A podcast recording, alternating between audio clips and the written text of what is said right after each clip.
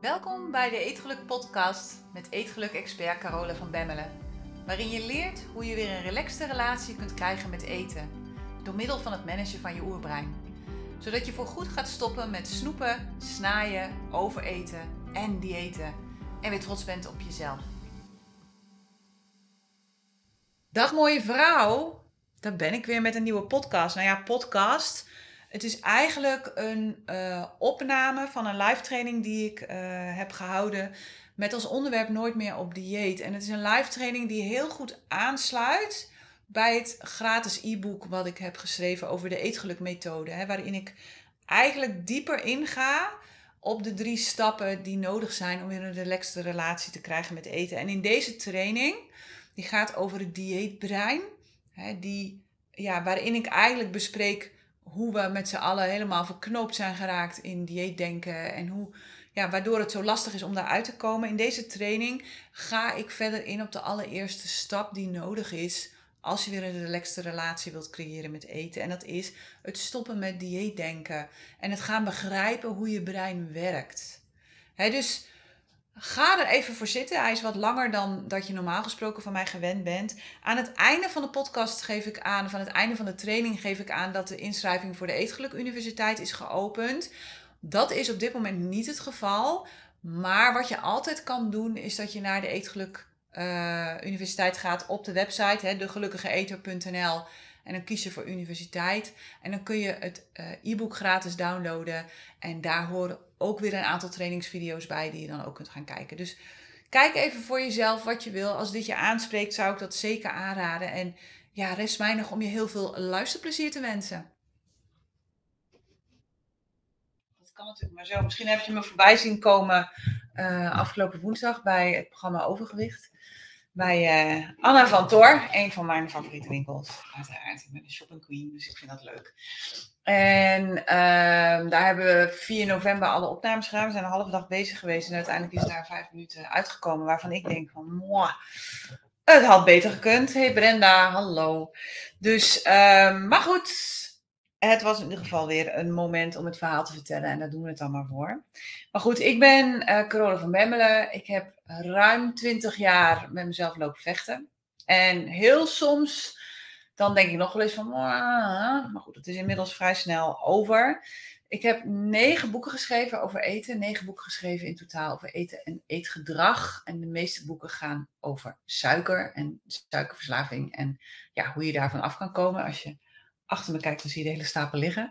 Het eerste boek is eigenlijk uh, ja, een beetje een uit de hand gelopen grap geweest. En ja, dat is een dikke bestseller geworden. Dus toen ben ik maar, ben ik maar doorgegaan. Zo is het eigenlijk een beetje ontstaan. En inmiddels heb ik daar uh, de nodige certificaten voor behaald. Internationaal, nationaal. Voor epigenetisch voedingscoach, voor lifestyle coach, voor life coach. Ik heb allerlei trainingen gedaan met Tony Robbins, met Brian Klemmer. Nou ja, noem het op. Ik heb er wel ergens een papiertje van. Maar dat vind ik eigenlijk niet zo belangrijk. Wat ik veel belangrijker vind, is dat ik ervaringsdeskundige ben. Dat ik weet hoe het voelt om de hele dag maar bezig te zijn met eten in je hoofd, in je leven, waar dan ook. Ik woon nu nog in de Lutte. Ik ga over vier weken, vijf weken weekend na Pinksteren ga ik verhuizen naar Zweden. Ga ik vlak in de buurt van Göteborg wonen met Danny, met mijn man. En dan uh, ja, gaan we een nieuw leven beginnen, denken we. Ik heb geen idee, we gaan het wel zien. We nemen ons beesten mee. Ik heb een, uh, een hond en twee katten en uh, die gaan natuurlijk mee. Dus dat wordt nog een hele exercitie om die daar te krijgen, denk ik. En daarnaast ja, ben ik best wel van het huiselijke. Dus ik hou van haken, ik hou van breien. Ik wil nu in Zweden wil ik een enorm XXL wandkleed gaan macrameeën. Ik heb nog geen idee hoe het moet, maar daar kom ik vast wel uit. En uh, dat vind ik dan zo'n leuk winterproject. En nou, de winters daar zijn lang en donker, dus kan ik wel wat doen. Ik hou van yoga, ik hou van lezen, ik hou van pilates, ik hou van dansen. Ik ga in Zweden ga ik beginnen met paaldansen. Ik heb geen idee of ik het kan, maar het lijkt me wel leuk. Dus ik ga het maar gewoon proberen. Uh, moestuinieren, zeilen, wandelen, buiten bezig zijn eten en eten koken is natuurlijk ook een ding wat ik gewoon super leuk vind. Dus dan heb je een beetje een beeld van mij, van wie ik ben. Ik ben uh, in januari 50 geworden, dus ik ga aan de beste helft van mijn leven beginnen. Ik heb daar ook heel veel zin in. En ja, in dat kader ben ik gewoon heel blij met alle vrouwen die um, ja, ook beslissen om uit die eet, dieetspiraal te stappen, zodat ze hun vrouwpower kunnen gaan gebruiken voor dingen die echt belangrijk zijn. Hè? Want het is zonde om iedere dag zoveel tijd en energie te stoppen in bezig zijn met eten, met wat je wel mag eten, met wat je niet mag eten, met wat gezond is, met wat ongezond is, met wat goed is, wat slecht is, met hoeveel wel, hoeveel niet en wat zus en wat zo, moet je niet willen. Daar word je doodmoe van en het gaat je uiteindelijk ook geen zak opleveren. Dus hou er alsjeblieft mee op, want het brengt je niks en het kost je heel veel energie. Energie die je niet kan besteden aan allerlei andere dingen. bedenk maar eens dat dat al die tijd die je op een dag besteedt aan het denken aan eten en het bezig zijn met eten of bezig zijn met wat je niet kan eten, dat die tijd vrijkomt voor iets anders. En ik kan me zo inschatten dat dat zo 1 tot 2 uur per dag zal zijn. Nou, reken dat eens om naar een week. Dan krijg je dus in totaal 14 uur extra erbij. Dat zijn twee werkdagen. Hè? En als je dat dan weer omrekent naar een jaar, dan heb je dus ruim 100 werkdagen per jaar erbij om iets te gaan doen wat ertoe doet. Om iets te gaan doen waar je blij van wordt. Om iets te gaan doen wat je energie geeft. In plaats van wat je heel veel energie kost en wat je gevangen houdt in een ja, situatie waar je eigenlijk helemaal niet blij van wordt. dus denk daar gewoon eens over na. Goed, voor deze uh, training vanavond, Nooit meer op dieet, ga ik ervan uit dat je het e-book hebt gelezen. Hè, dus het e-book over de eetgelukmethode. Of dat je in ieder geval, als je bent zoals ik, een beetje er doorheen hebt geneust. Weet je wel, zo uh, wat staat hier? Oh, dat weet ik al, oh, dat weet ik ook al, oh, dat weet ik ook al. Maar dat je in ieder geval een beetje voor jezelf een beeld hebt van die eetgelukmethode. Waar, ja, hoe ziet dat eruit en waar heeft dat allemaal mee te maken? Die eetgelukmethode is iets wat eigenlijk een beetje is ontstaan de laatste jaren. Ehm, in het proces wat ik zelf natuurlijk heb doorgelopen. Hè, ik, ik, ben begonnen natuurlijk met het hele suikervrije gebeuren. Dus het stoppen van honger en het stoppen van uh, dieetdenken. Met name in eerste het stoppen van honger. Hè, want suiker is toch wel een ding daarin. Snelle koolhydraten ook, bewerkte voeding ook. Dus dat is één ding. Toen ontdekte ik de werking van het oerbrein. En het, het effect wat het oerbrein heeft als het gaat over je eetgedrag. Maar ook de kracht die je oerbrein heeft als je het niet weet te managen. En zeker als het gaat over eten. Want eten is iets wat we allemaal nodig hebben om te overleven. Het is niet iets waar je mee kan stoppen, want je hebt het nodig om te overleven. En dat maakt dit ook gewoon lastiger. Want je kunt niet zeggen, nou ik stop gewoon met eten en dan is het klaar. Ja, kan wel, maar is misschien niet heel erg handig.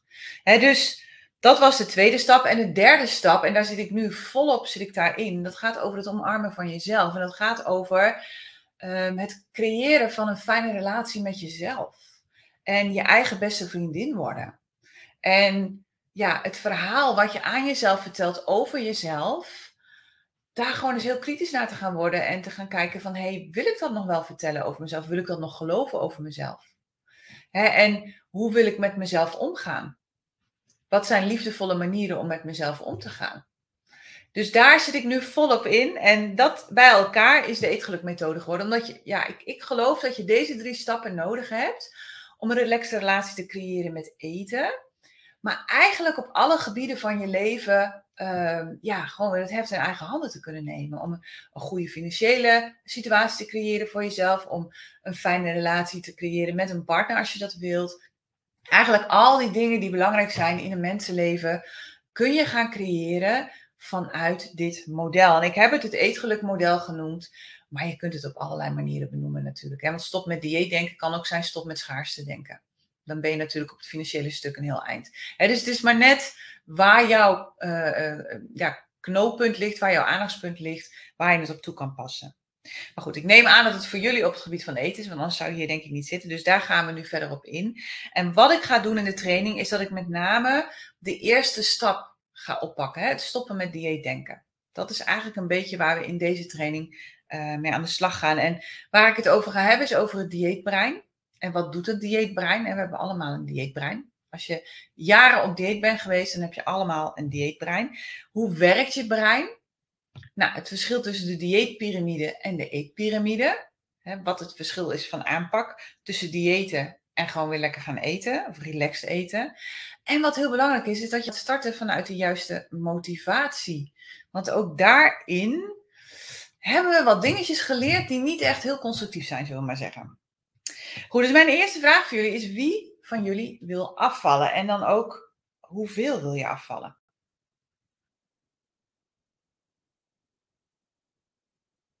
Zet even in de chat Wie van jullie wilde afvallen en met name dan ook hoeveel wil je afvallen? Dat is even een belangrijke. Even mijn BH goed doen. Die zakt iedere keer af. Ik heb zo'n afzak BH aan. Niet handig. Anne wil 15 kilo afvallen. Oké. Wie biedt meer? Kitty, 25. Mooi. Wie biedt er meer? Flap ben ik, hè? waarom willen jullie afvallen, dames? Waarom? Altijd, zegt Inge 20. Zeker 25, laatste 2, 3. Ja, wow, dat is echt kut, de laatste 2, 3. Dat is een grote, grotere uitdaging dan 25 hoor. 25 uh, is makkelijker dan de laatste drie. Linet, 30. Kijk. Ik had in de vorige training had ik twee dames die wilden 70 kilo afvallen. Dus dan heb je ook heel veel te winnen. Dan, dan kan het in het begin ook echt heel snel gaan. Kleding, eigenwaarde, zelfverzekerheid, coronakilo's, ja. Coronaklachten. Mm Oké. Je brein, jullie brein, denkt dat die kilo's de oorzaak zijn van het feit dat je je niet lekker voelt, dat je je niet gezond voelt, dat je kleding niet goed zit, dat je klachten krijgt, dat je, um, nou ja, op wat voor manier dan eigenlijk af wilt vallen. Laura zegt waarom eigenlijk, want eigenlijk is het zo ook goed. Ja, wil in ieder geval niet meer omhoog met het weegschachttal. Ja, ik denk dat dat een heel mooi streef is, Laura. Als je daar gewoon op gaat focussen, om het in ieder geval stabiel te houden nu. Maar goed, daar kom ik zo nog even op. Maar je brein denkt dat je kilo's het probleem zijn. Hè? Dus je weegt uh, nu 100 kilo en je brein denkt van nou, 80 is wel heel erg mooi. Het brein zit ertussen. En dat, dit is je brein. Ik zal het even erbij schrijven. Anders dan is het vast niet te herkennen als een brein. Maar jouw brein denkt, ja, om van daar naar daar te komen, dat is best wel een heel gedoe. Dat kost tijd, dat kost geld. Gaat toch niet lukken. Uh, wat denk je brein nog meer? Waarom is het niet mogelijk om af te vallen, denken jullie? Uh, corona. Meer redenen waarom het niet mogelijk is om af te vallen. want als het mogelijk was geweest, had je het al lang gedaan. Dus op de een of andere manier heb je de overtuiging dat het niet mogelijk is op dit moment of voor jou of wat dan ook. Eerder ook niet gelukt, ja. Dus waarom zou het nu in godsvrees nou wel werken? Leeftijd, ja. Nog meer.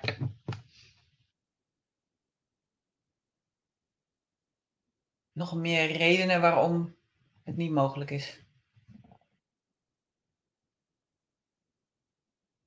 Huisgenoten. Oh ja, die zijn ook leuk. Ja. Eigenlijk moet iedereen gewoon mee op dieet, hè? Dat zou eigenlijk fijn zijn. Slaagt aan de suiker. Suiker is de schuld. Ja, suiker is echt. Leiding.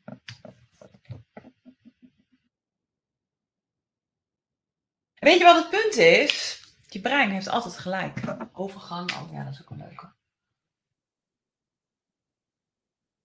Overgang. Heel fijn. Waarin je lichaam ineens alles gaat doen waar je helemaal geen zin in hebt. Dat je denkt, ja hallo, dat was eigenlijk niet de afspraak. En maar allemaal redenen waarom het niet gaat lukken. Allemaal redenen waarom het niet gaat lukken. En weet je wat de ellende is? Zolang je gelooft dat dit waar is, gaat het ook niet lukken. Want wat er gebeurt is dat je brein hier bewijs voor gaat zoeken. En wat er gebeurt daardoor, is dat als jij op 100 staat en je bent net lekker bezig en er gebeurt iets in de buitenwereld, dan ga je vloek weer terug naar die 100. Ga je eten of je gaat weer ander gedrag doen wat je eigenlijk niet wil doen, maar dus gewoon automatisch weer gaat doen. Want jouw brein wil bewijs hebben dat dit allemaal klopt. Hè? Dat het ligt aan de overgang en aan verleidingen en aan suiker en aan tijd en aan geld. Dat gaat niet lukken en corona. Dat het eerder niet gelukt is, je leeftijd, huisgenoten. Jouw brein is daar heilig van overtuigd dat het daardoor komt. En ik zie dat ik mijn doekje vergeten ben, dus ik pak even mijn doekje erbij.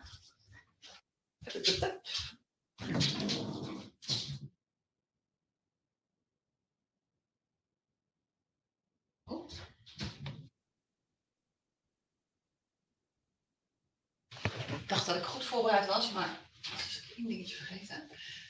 Dus zolang jouw dieetbrein hier tussen staat met al dat soort gedachten, maar ook met de overtuiging dat het moeilijk is om af te vallen en dat je, ehm, ja, weet ik veel wat voor hard werken je moet doen en dat je jezelf hard moet aanpakken en dat je jezelf moet uithongeren en dat je jezelf moet afbeulen in de sportschool en dat je jezelf allerlei dingen moet ontzeggen. Ja, dan gaat het hem niet worden, lieve mensen, want dan willen wij daar niet eens aan beginnen. als je van tevoren al de gedachte hebt van het wordt moeilijk en het wordt zwaar en oh, oh, oh, oh, en het gaat toch niet lukken, want het heeft nog nooit gelukt en in het verleden zus en in het verleden zo, ja, dan kun je er net zo goed niet aan beginnen. Dan gaat het ook gewoon niet lukken. Dan gaat het gewoon niet lukken. En het punt is dat wij dit wel ons hele leven ingeprogrammeerd hebben gekregen. Wij hebben ons hele leven lang gehoord en ja, bij mijn oma hing die op de wc. Ieder pondje gaat door het mondje.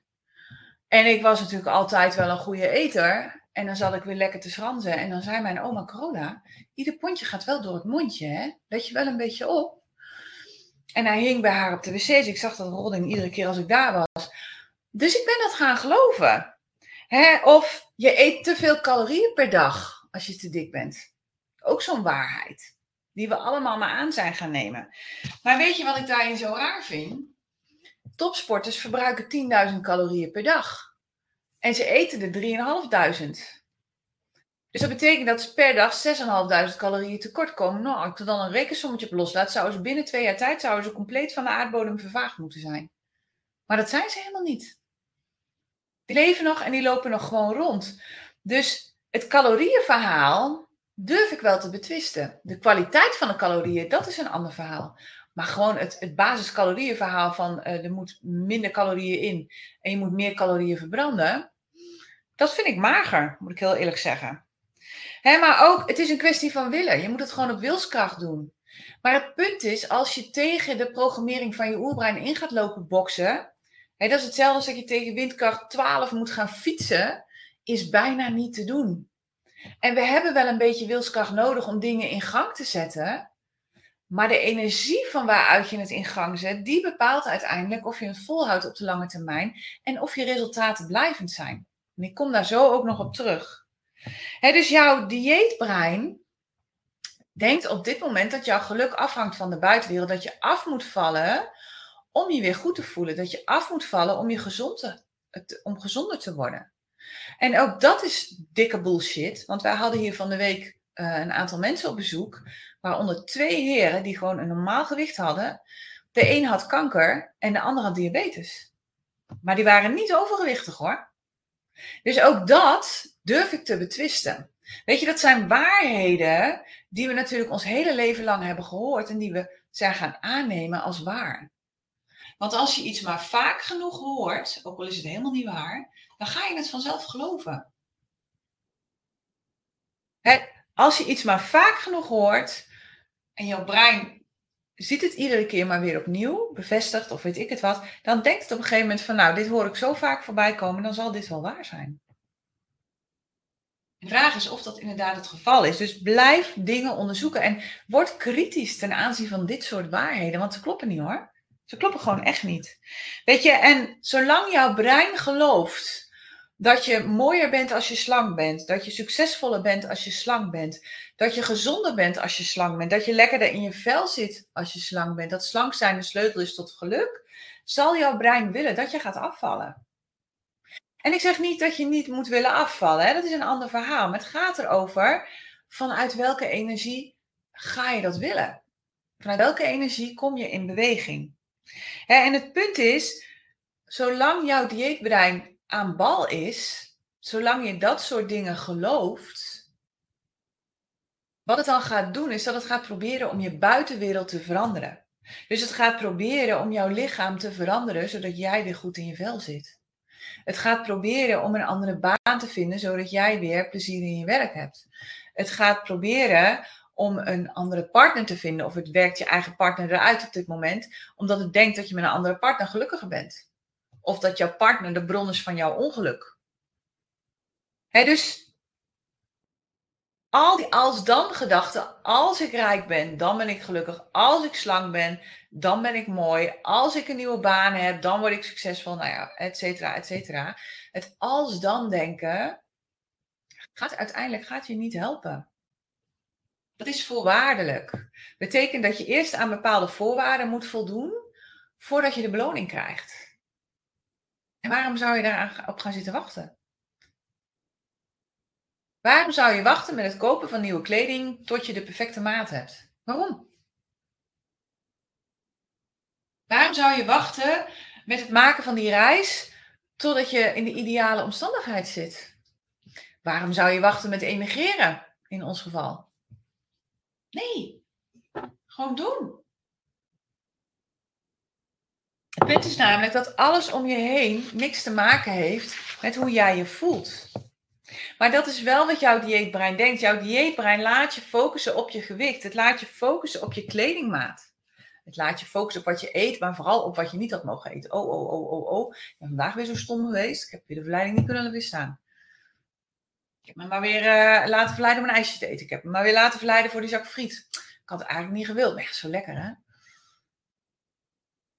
Dat is waar je dieetbrein de hele tijd mee bezig is. Het laat je focussen op alles wat je verkeerd doet. Het laat je focussen op alles wat niet goed is. Het laat je focussen op alles wat je eigenlijk anders had moeten doen. Op alles wat je lelijk vindt aan jezelf. Op alles wat beter kan. Op alles wat anders kan. En de schuld daarvan is je gewicht. Want als je anders zou wegen, dan zou je heel anders in je vel zitten. Ja, broodje aap, hè? Echt broodje aap. Maar wat je daarmee doet, is dat je jezelf gevangen houdt in de huidige situatie. Kunnen jullie dit nog volgen? Even een check.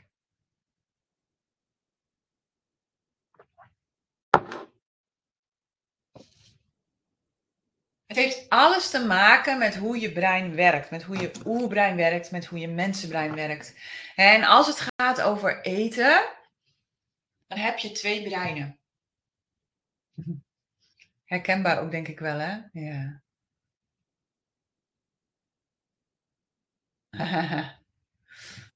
Andrea zegt, mag het sneller naar volgend onderwerp? Ja, ik heb geleerd dat herhaling wel belangrijk is. Dus ik ga af en toe even uh, wat dieper op dingen in. En dat is ook belangrijk voor je oerbrein. We willen allemaal heel veel, heel snel, heel veel weten.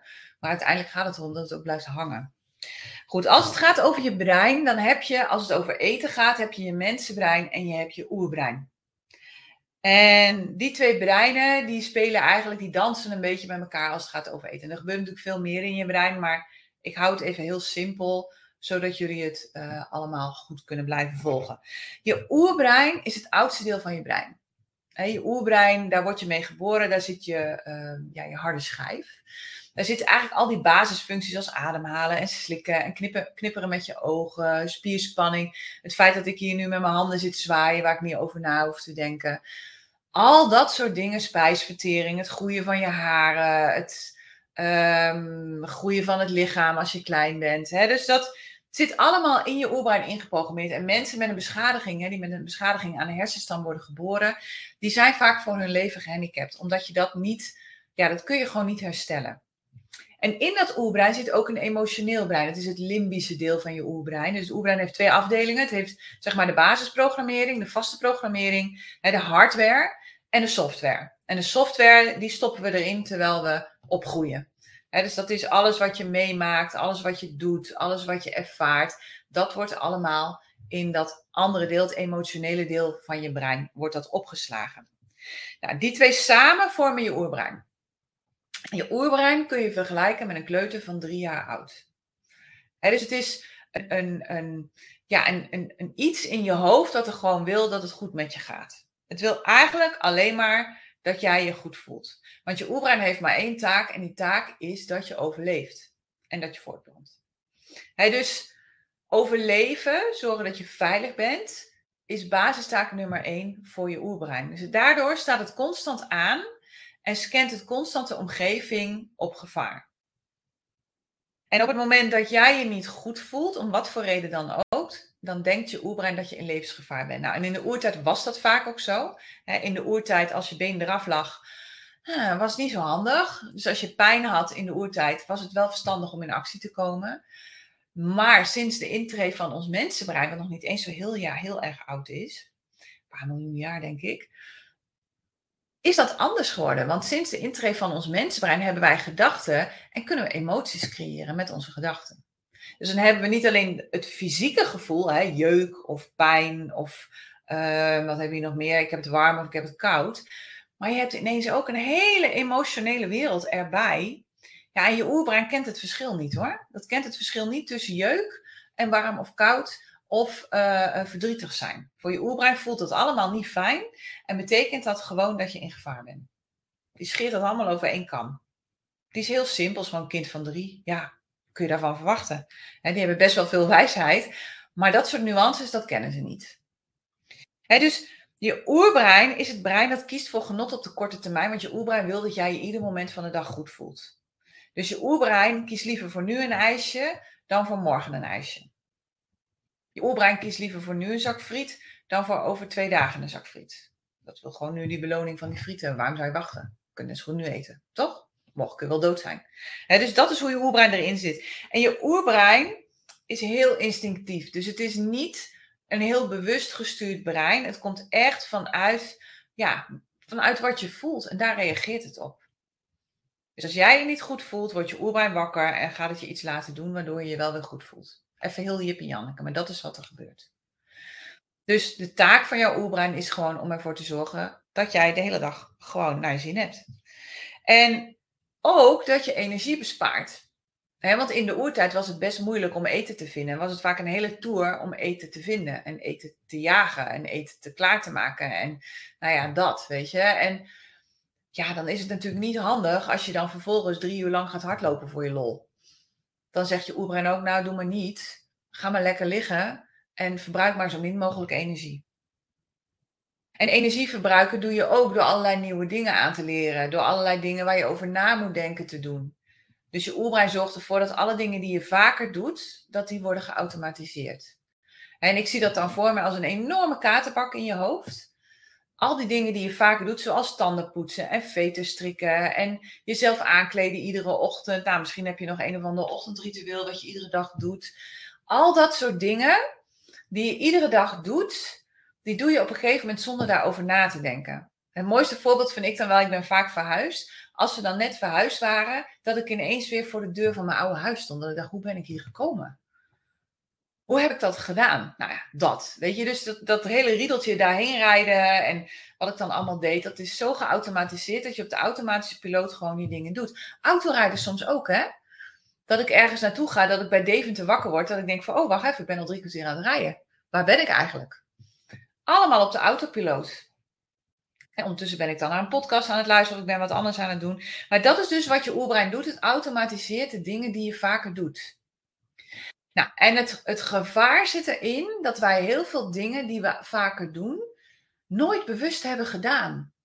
Waardoor we dus allerlei gewoontes hebben geautomatiseerd die ons helemaal niet dienen. Zoals die zak chips voor de tv, of die reep chocola na het eten, of um, nou ja, andere gekke dingen die we doen. Overal de auto voor pakken.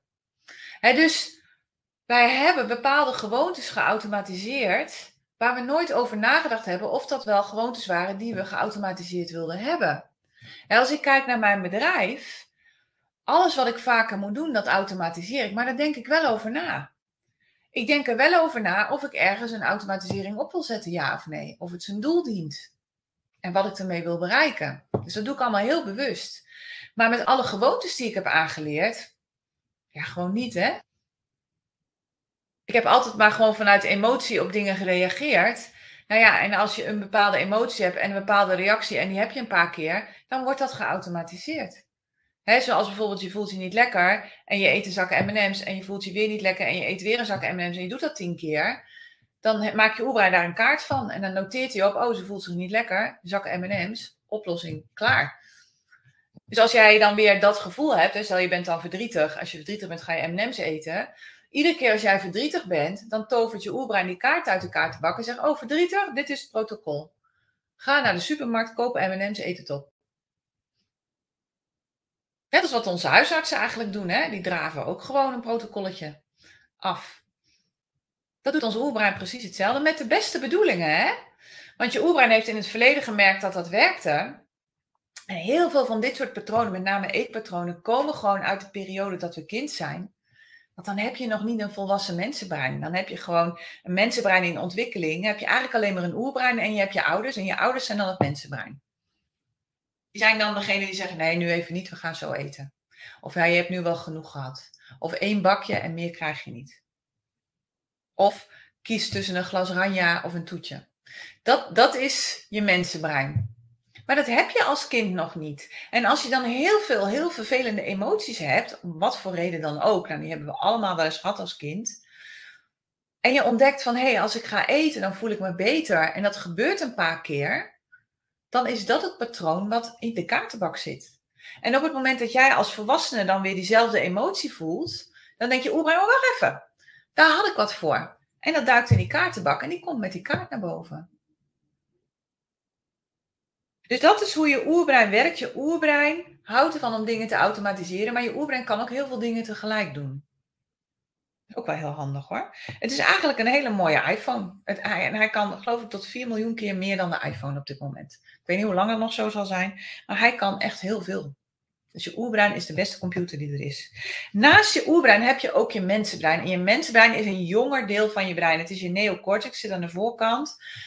En je mensenbrein is het brein wat volwassen is. Wat de volwassen ouder is van je brein. En dat ontwikkel je. En het is eigenlijk pas klaar als je 26 bent. En tussen je 18e en je 26e is dat het hardste in ontwikkeling. dat is het deel wat kan plannen. Dat is het deel wat kan vooruitkijken. Dat is het deel wat ja, echt in de toekomst kan kijken en kan zien van... hé hey Carola, als jij je vervelend voelt en je gaat iedere dag een zak M&M's zitten eten... Gaat je dat over een jaar een kilo of twee, drie extra opleveren? Wil je dat? Dat is je mensenbrein.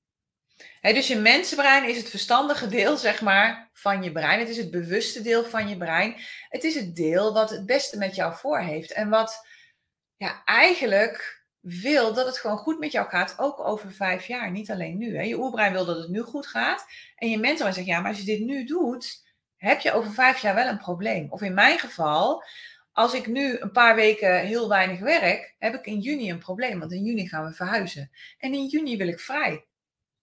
En mijn oerbrein heeft helemaal geen zin meer om wat te doen hoor, op vrijdagmiddag. Maar mijn mensenbrein zegt, doe nou toch maar even wel.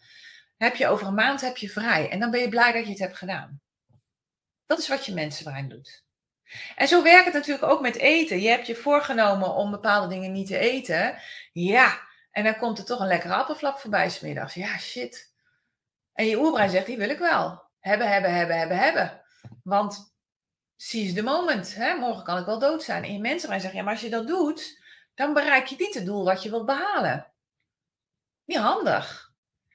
En die twee gaan met elkaar in gesprek. En dat verlies je mensenbrein altijd als je het niet goed hebt aangepakt. Als je het niet hebt gepland.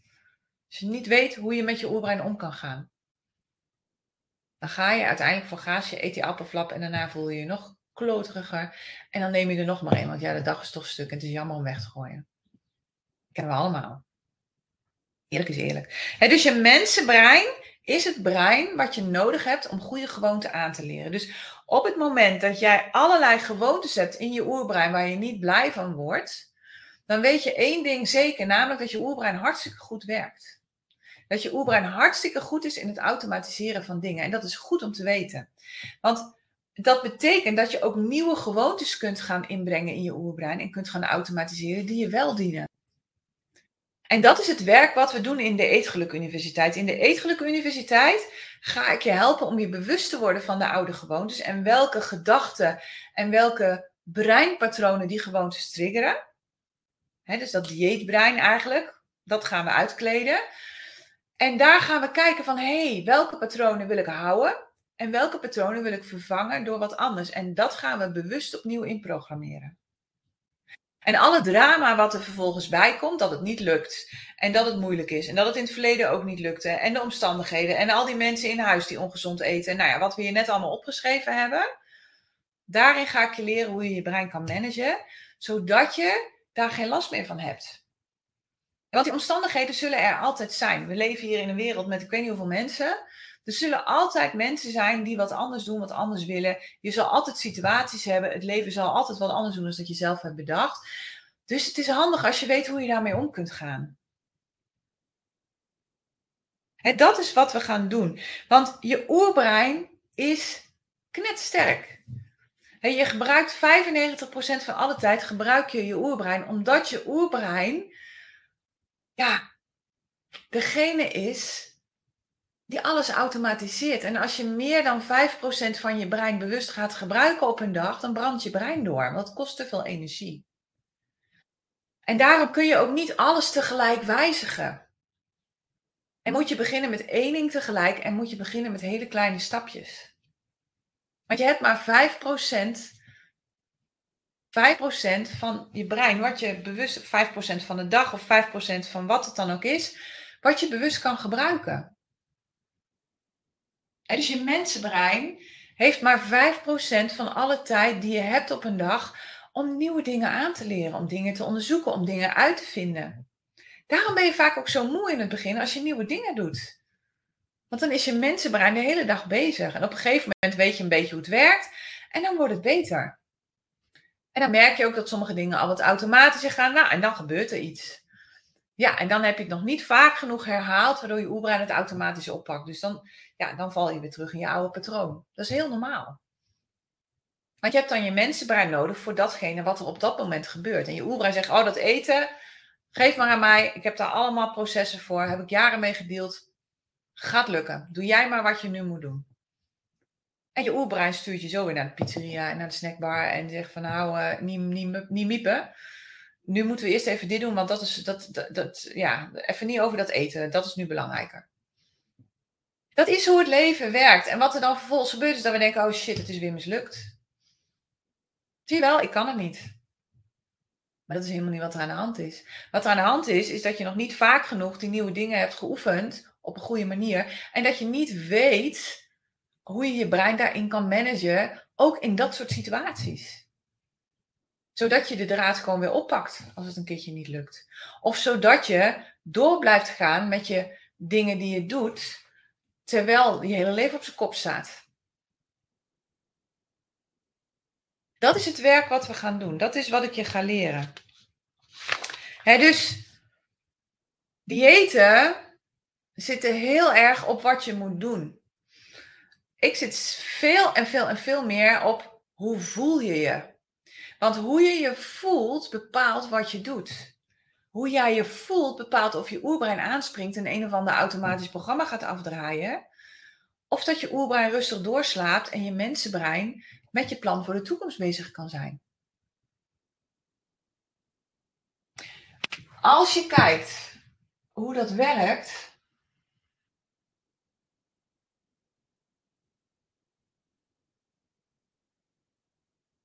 Dan zet ik even wat dingen neer.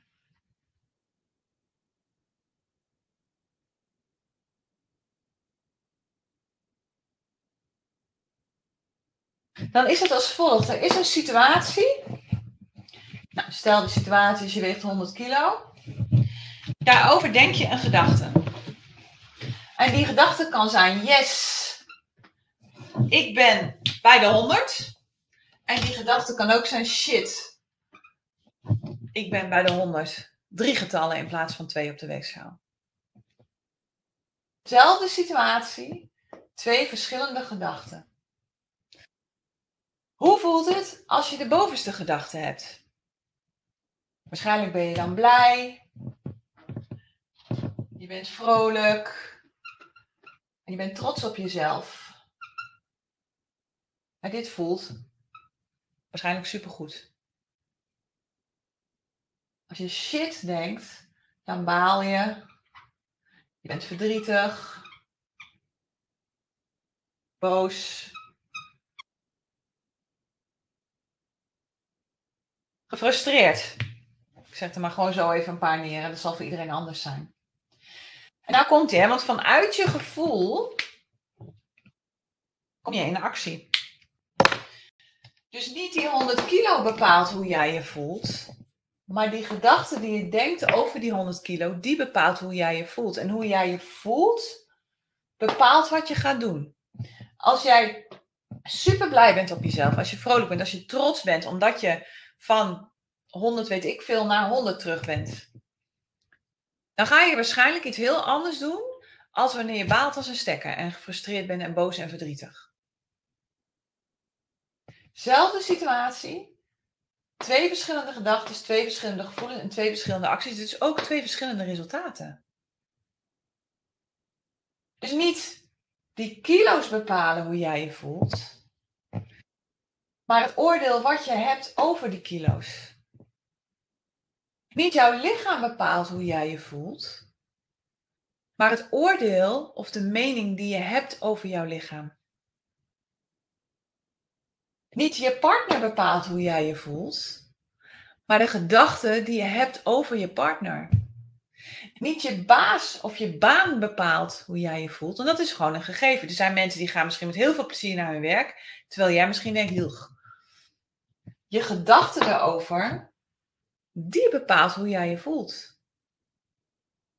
En tuurlijk heb je op je leeftijd en op je overgang heb je geen invloed. Dat is een gegeven, dat is een situatie. Maar waar je wel invloed op hebt, is hoe je daarover denkt. Wat je ervan vindt. Hoe je tegen jezelf praat. Als we allemaal tegen onze vrienden zouden praten, zoals we tegen onszelf praten, houden geen vrienden meer over, werkelijk. Als ik soms hoor wat er in mijn hoofd allemaal gebeurt in die chatbox, waanzinnig. Hey, dus onthoud dit alsjeblieft. Jouw dieetbrein denkt van nee, de situatie is schuld. De situatie moet veranderen. Want als ik de situatie verander, dan ben ik, dan zit ik in het walhalla. Maar het gaat erover dat je de gedachten die je denkt over de situatie, dat je die gaat veranderen. Want daardoor ga je je anders voelen, daardoor ga je andere dingen doen en daardoor ga je andere resultaten creëren. Op wat voor gebied dan ook in je leven. En wij hebben het hier nu op, over eten. Maar het kan net zo goed gaan over relaties, het kan net zo goed gaan over geld, het kan net zo goed gaan over je baan, het kan net zo goed gaan over die fantastische partner die je graag wilt hebben in je leven. Het maakt op zich allemaal geen bal uit. Dit gegeven is gewoon voor iedereen hetzelfde. Dit is hoe wij creëren. En nu lijkt het heel makkelijk, want de slimmers onder ons zeggen, oh, dus ik moet gewoon een andere gedachten denken. Ja, ten dele is dat zo, maar als jij bepaalde gedachten heel vaak hebt gedacht, dan lukt het vaak niet om daar gewoon even een andere gedachte overheen te zetten. Dat lukt, bij sommige dingen lukt dat. Sommige dingen lukt het om je gevoel te veranderen door een andere gedachte te denken. Maar er zijn ook heel veel situaties waarin dat gewoon niet gaat. Als jij traumatische dingen hebt meegemaakt en het komt iedere keer omhoog, dan is het veranderen van gedachten, ja, is heel leuk, maar dan heb je daar tussenstappen in nodig. En ook dat is werk wat we doen in de Eetgeluk Universiteit.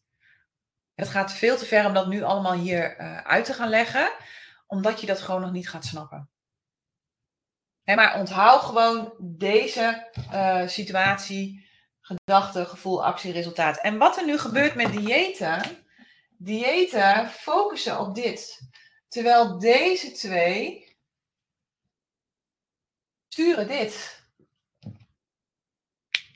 Dus wat je eigenlijk doet, is dat je in een auto rijdt, die rij je in de prak en dat je dan maar een nieuwe auto koopt. En vervolgens rij je die weer in de prak. Maar ja, het werkt niet, dus ik ga maar weer wat anders doen. Koop maar weer een nieuwe auto, zal aan de auto liggen. De auto is schuld dat het niet lukt. En je rijdt de ene naar de andere auto rijden in de prak. Iedere keer koop je een andere auto, hè? actie. Je koopt een andere auto. En het resultaat is dat je hem in de prak rijdt. Wat misschien een idee is, is om te gaan leren hoe je moet autorijden. Dan heb je namelijk geen andere auto meer nodig. En dat is wat geen enkel dieet doet. Ze focussen op actie. Je moet dit doen. Je moet koolhydraatarm eten. Je moet gaan intermittent vasten. Je moet gaan suikervrij gaan eten. Je moet uh, calorieën gaan tellen. Uh, je moet gaan sporten. Je moet uh, op tijd naar bed. Je moet minder stress. Je moet je hormonen in balans brengen. Je moet allemaal acties. Allemaal hoedans ons brein gaat iedere keer zeggen, ja, maar hoe dan? En ik weet zeker dat jullie nu allemaal in je hoofd hebben, ja, Carol, dat is leuk, maar hoe dan? Hoe ga ik dit nou doen? Dat is wat je brein wil. Die wil naar die hoe. Maar ik wil naar die waarom. Ik wil dat je gaat leren waarnemen waarom je de dingen doet die je doet. Want waarom bepaalt wat je doet. Waarom je de dingen doet, bepaalt uiteindelijk wat je gaat doen. Als jij van de sportschool komt en je hebt lekker gesport en je zit lekker in je vel, dan ga je wat anders doen als wanneer je op de bank zit met de afstandsbediening en jezelf helemaal kapot verveelt. Dan zul je een andere keuze maken voor jezelf. In het ene geval drink je misschien een glas water, in het andere geval eet je een zak chips. Dus waarom? Het verhaal dat jij vertelt over de situatie, het waarom, dat bepaalt uiteindelijk hoe jij je voelt en wat je gaat doen en wat je voor resultaat creëert. Is dit een beetje helder voor iedereen? Dit is wat je gaat leren in de Eetgeluk Universiteit. En Anna die weet dat al, want Anna is al lid. Dus die weet dat. Misschien zijn er nog wel meer leden bij, dat weet ik eigenlijk zo niet. Maar Anna is hiermee bezig. En dit is niet iets wat je in een week leert. Was het maar waar. Dit is iets dit is iets wat inderdaad tijd nodig heeft. Kijk, en als je al terugdenkt dat je mensenbrein 5% van de tijd heeft op een dag en je oerbrein 95% van de tijd, dan weet je hoe langzaam dit soort dingen gaan. Hoe langzaam het gaat om één ongewenst patroon uit je brein te halen en te vervangen door een ander gewenst patroon.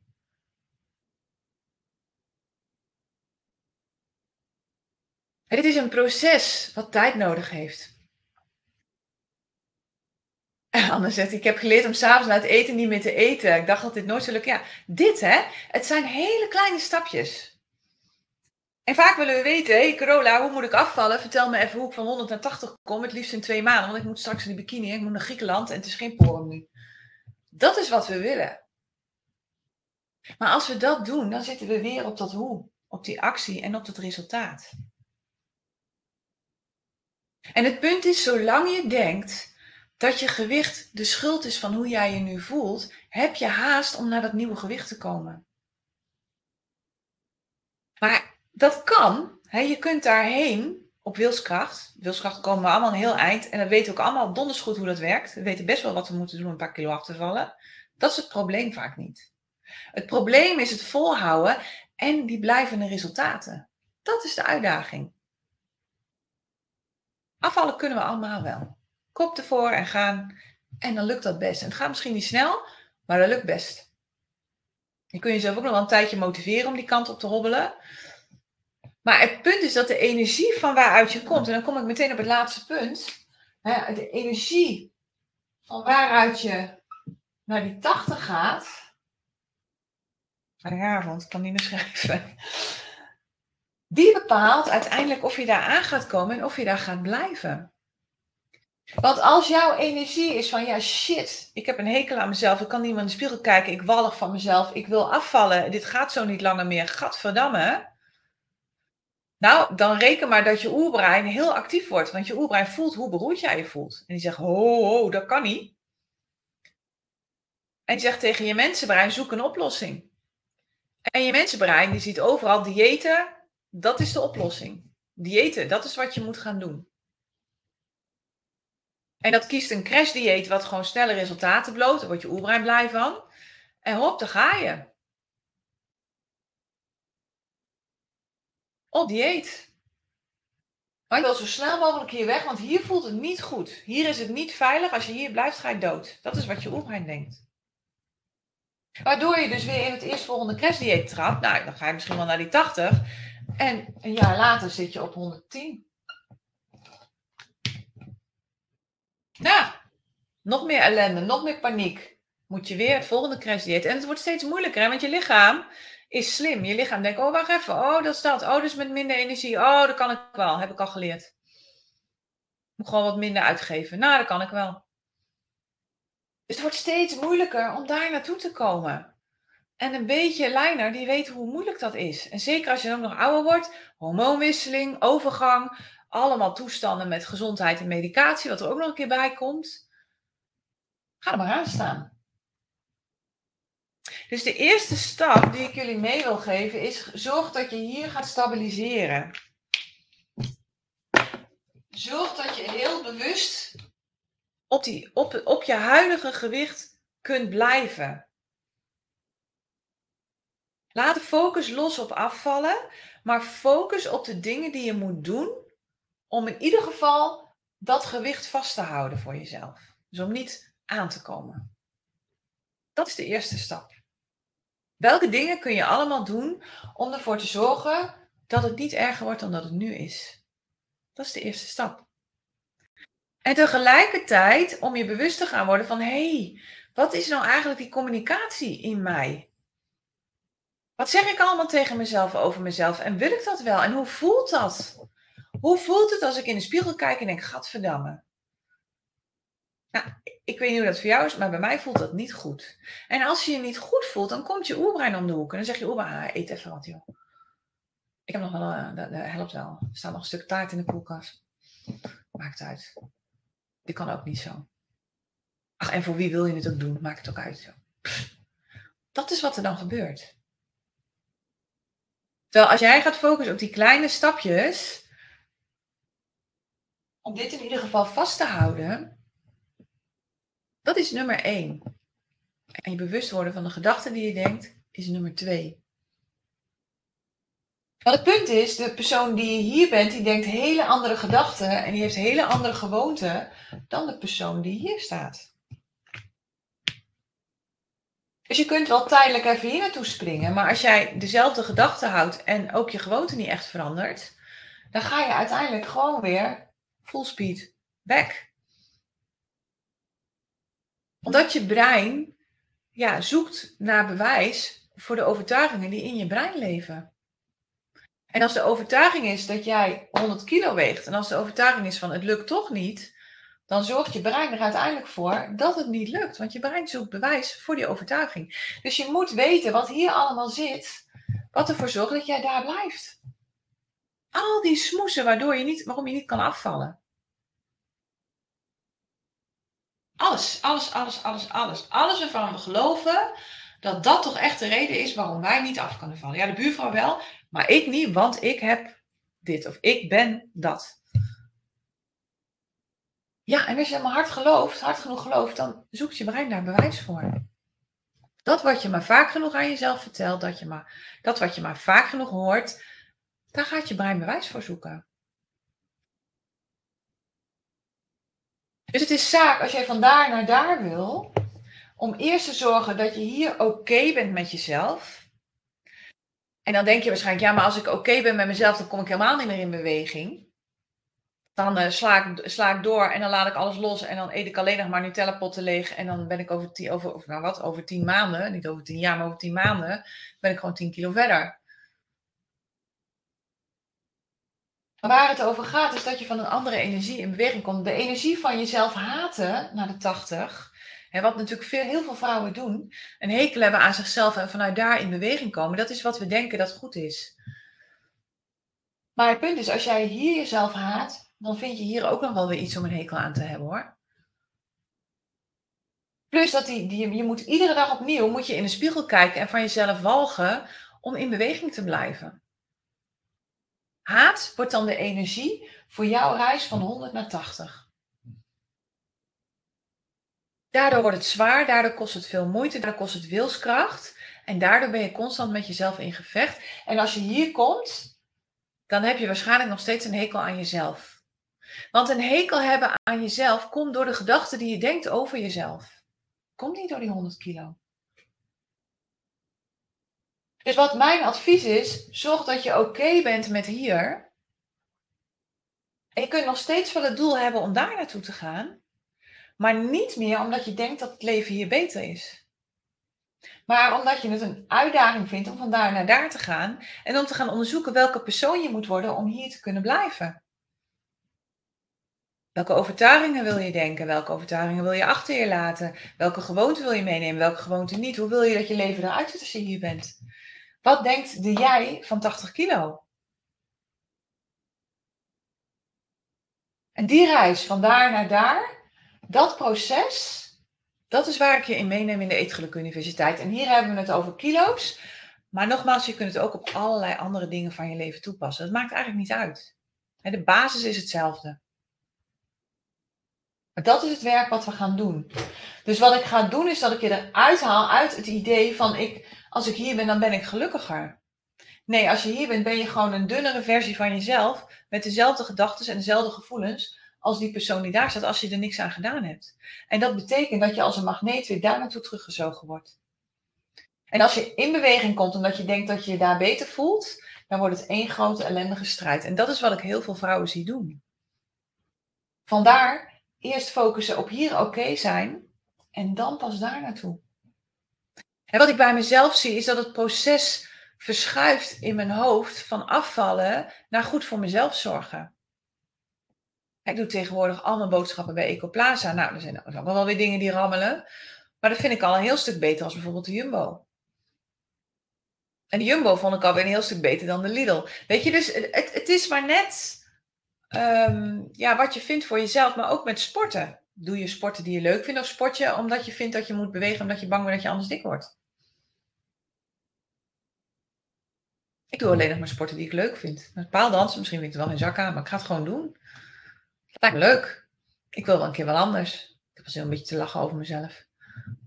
Ik vind dat gewoon leuk. Weet je, dus, dus dat is wat ik je mee wil geven vanavond. Focus niet meer op dit, maar focus op hier oké zijn. En ik wil afsluiten met een verhaal van Will Smith. Ik weet niet, misschien kennen jullie het verhaal. Weet ik niet. Maar Will Smith heeft een autobiografie geschreven. Ik heb hem eh, net op mijn Kindle staan en hij is echt, hij is hilarisch. Hij is echt heel leuk geschreven. En wat Will Smith doet, is um, hij begint dat boek met een verhaal over hoe zijn vader, um, hoe zijn vader hem een muur heeft laten bouwen. En zijn vader die had een winkel en voor die winkel stond een hele oude muur en die muur die stortte in elkaar en die begon te kruimelen en nou ja, die muur die moest weg, dat was gewoon gevaarlijk. En die vader die had zoiets van ja, er moet een nieuwe muur komen en die vond het wel een mooie opdracht voor Wil en voor zijn broertje. En die vader die riep de jongens bij zich en die zei ja, hij zegt die muur zien jullie die daar? Ja, ja, nou, is natuurlijk een enorme muur.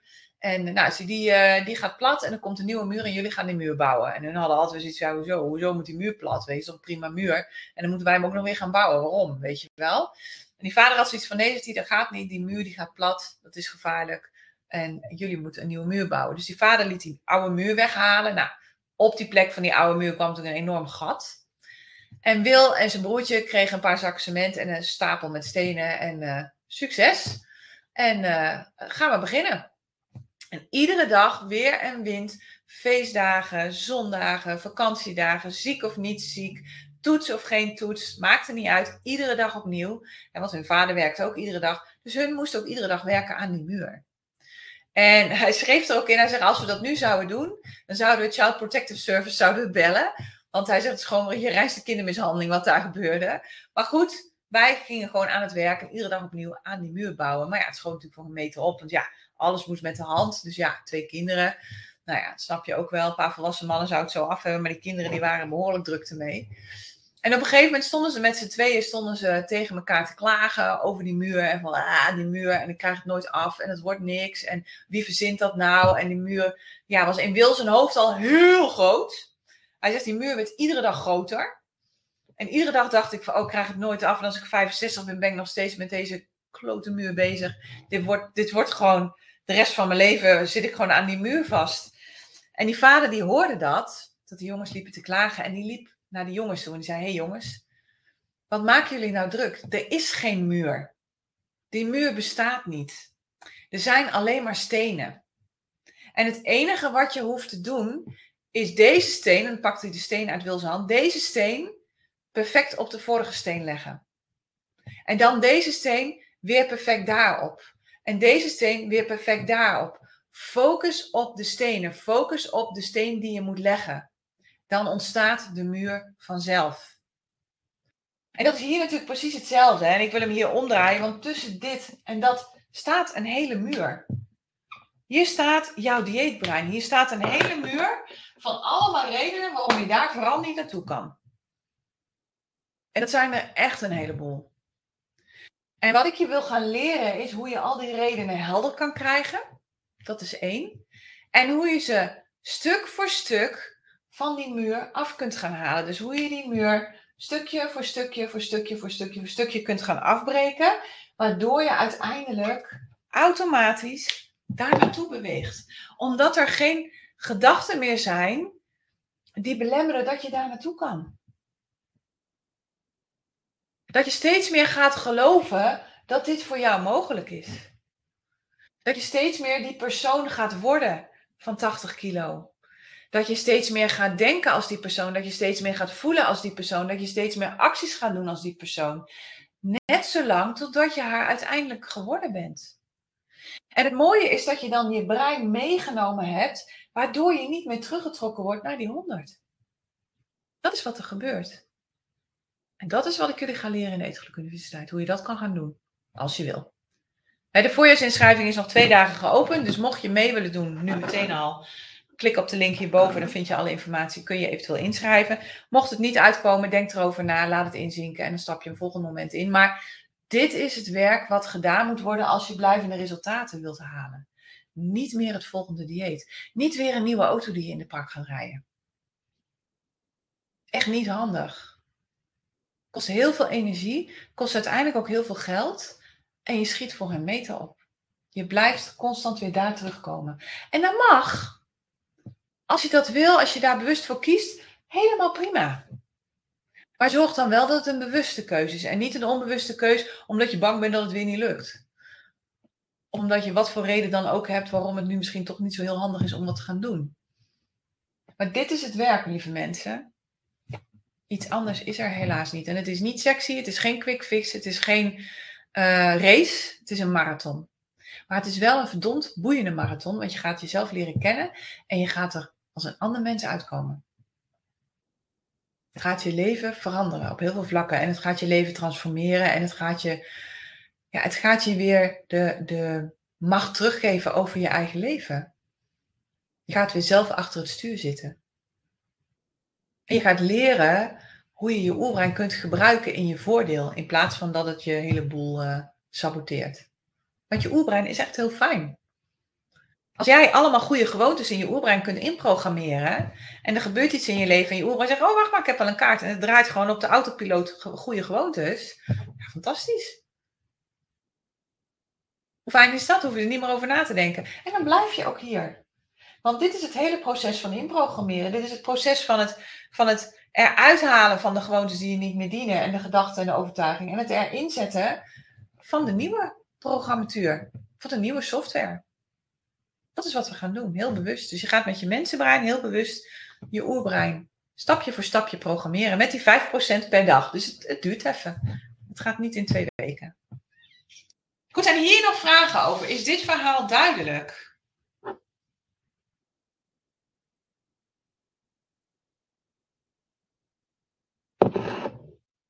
Ja, vooral anders denken, maar ook je bewust worden van je gedachten, Anne. Wat verschilt deze universiteit van de gecombineerde leefstijlinterventie van twee? Ik heb geen idee wat dat is, Andrea. Dus daar kan ik geen antwoord op geven. Ik weet alleen ja, dat dit gewoon heel fijn werk is. Dus dan is, gaat het er net om wat voor jou gewoon echt jou het beste aanspreekt. Ik ga in ieder geval niet zeggen wat je moet eten. Ik ga ook niet zeggen wat je wel moet eten, wat je niet moet eten. Ik geef suggesties, ik leg dingen uit. En uh, ja, daarnaast gaan we gewoon lekker aan de slag met je brein en met je eigen waarde en met je zelfvertrouwen en met je zelfliefde en met al die dingen die hiermee te maken hebben. Dus we pakken het eetgeluk, ja, de eetgelukmethode pakken we stap voor stap en daarmee gaan we aan de bak. Ja, programmeerfoutje zegt Inge. Ja, eigenlijk wel. Maar ook dat nog niet eens, want we hebben nooit geleerd hoe we ons brein konden programmeren. En als kind is het heel moeilijk om je oerbrein te programmeren. Dan moet je al verrekte goede ouders hebben. Want jouw ouders, die functioneren op dat moment als mensenbrein. Nou, de meeste ouders maken er een potje van. Wees eerlijk. Dus alleen als jij hele goede ouders hebt, die daarin gewoon jou kunnen helpen met het inprogrammeren van al die dingen die goed voor je zijn, ja, dan heb je al een voorsprong. Maar voor de meeste mensen geldt dat ze gewoon daarin een heleboel zelf moeten gaan doen. En dat is ook mooi, want dan kun je zelf kiezen wat je erin wil hebben. Als je ouders het doen, dan krijg je toch mee wat je ouders voor jou bedacht hebben. Terwijl dat misschien niet is wat jij wil. net zeg ik ben onder de indruk. Mooi, ik heb je onder tafel geluld, net. Goed zo. hey mensen, als er verder geen vragen meer zijn, dan ga ik uh, stoppen. En mochten jullie uh, meer willen weten, kijk even, de link staat boven in de chat, dus daar kun je op klikken. En anders ga even naar de en dan klik je op Eetgeluk Universiteit, dan heb je hem ook. En ehm, nou ja, mocht je er klaar voor zijn, mocht je hier meer mee willen, mocht, je, mocht dit logisch voor je voelen, dat vind ik eigenlijk belangrijk. Mocht het, ja, ik zeg het in Amerika, zeggen dat does this make sense. Maar als het voor jou echt voelt van ja, hey, dit klopt. Je gaat erop aan, je wordt er blij van en je voelt dat dit gewoon goed is. Ga het verder onderzoeken en ga gewoon meedoen. Weet je, je hebt niks te verliezen. Er zit een proefperiode in van drie maanden waarin je gewoon nog je abonnement op kan zeggen als je dat wilt. Je hebt gewoon veel langer nodig dan die tijd, maar in die drie maanden krijg je wel een beeld van wat het is en of het bij je past. En ga er gewoon mee aan de slag. Why not? Laat je niet meer stoppen door dit, door die muur, maar ga die muur afbreken. Hey, als je het fijn vond om naar deze podcast te luisteren, kijk dan eens naar de Eetgeluk Universiteit. Dit is de Netflix op het gebied van eetgedrag, waarin ik dieper inga op alles dat ik deel in deze podcast. En waarin ik je leer hoe je dit kunt toepassen in jouw leven. En misschien wel het allerbelangrijkste, op jouw eetgedrag. Je vindt alle informatie op degelukkigeeter.nl. Het lijkt me super om jou daar te zien. Tot daar.